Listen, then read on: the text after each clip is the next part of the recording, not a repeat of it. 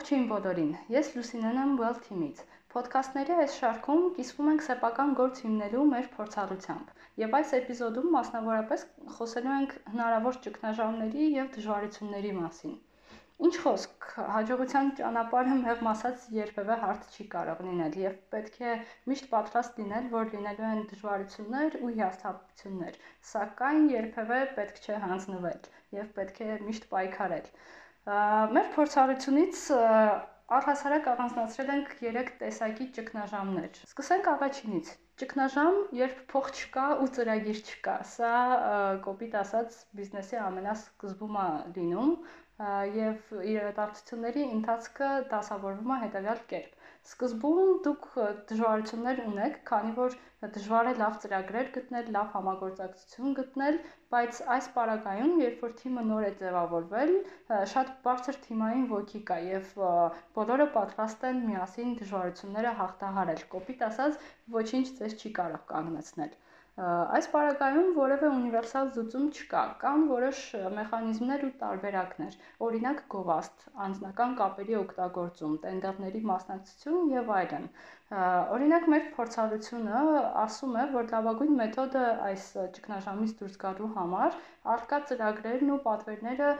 հնարավորինս բարձր մակարդակով ու բարեխիղճորեն անելն է, պորտֆոլիո հավաքելը։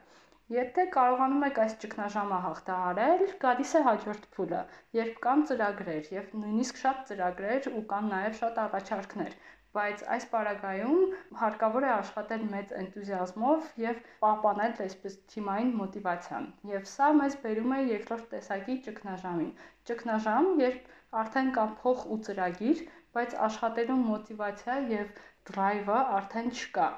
Այս փուլում արդեն պետք է աշխատել ու մտածել, թե ոնց է պետք պահպանել թիմային ոգին ու ոնց է պետք պահպանել մոտիվացիան։ Աստիճանաբար սկսում ես հասկանալ, որ պետք են որոշակի արտաքին ազդակներ, որոշակի խաղի կանոններ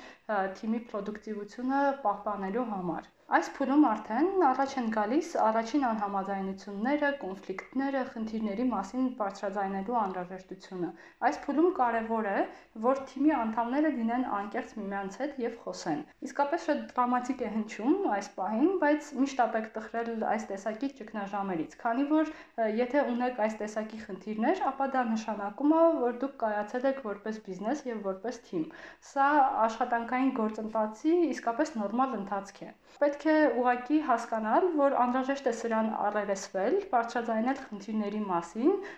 դրանք լուծել եւ առաջ շարժվել։ Սկզբում drive-ը, մոտիվացիան, նոր գաղափարները շատ են, իսկապես շատ են լինելու, բայց երբ որ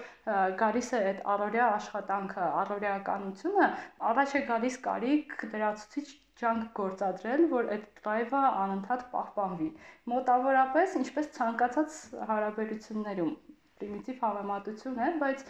ցանկացած հարաբերությունների նման սեփական բիզնեսի հետ որակյալ հարաբերություն պահելու համար պետք է շատ մեծ ջանքեր գործադրել։ Եվ մոտեցանք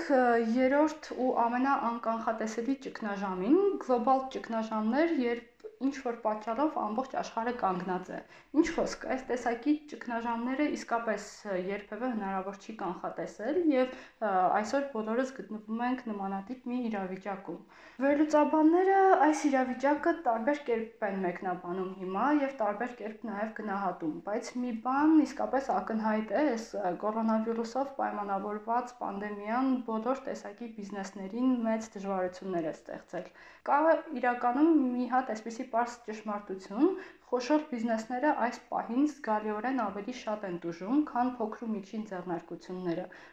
Պարզ է, որ չեմ խոսում բոլորի մասին, այլ ընդհանրացնում եմ այս ամեն ինչը որպես բիզնես մոդելի տեսակ՝ խոշոր բիզնես ու փոքր ու միջին բիզնես։ Սրա բացատրությունը իրականում ահագին པարզ է, քանի որ փոքր թիմերը ավելի ճկուն են ու ավելի հարմարվող, փոքր թիմերը փոքր թիմերում աշխատանքի նոր մոդելներ ներդնելը մի քիչ ավելի անցավ է ու ավելի արդյունավետ է լինում, քան հսկայական թիմերի պարագայում։ Դժվար է հստակ մեխանիզմներ հիմա առանձնացնել այս ճգնաժամը հաղթահարելու համար։ Շուկան փոխվում է,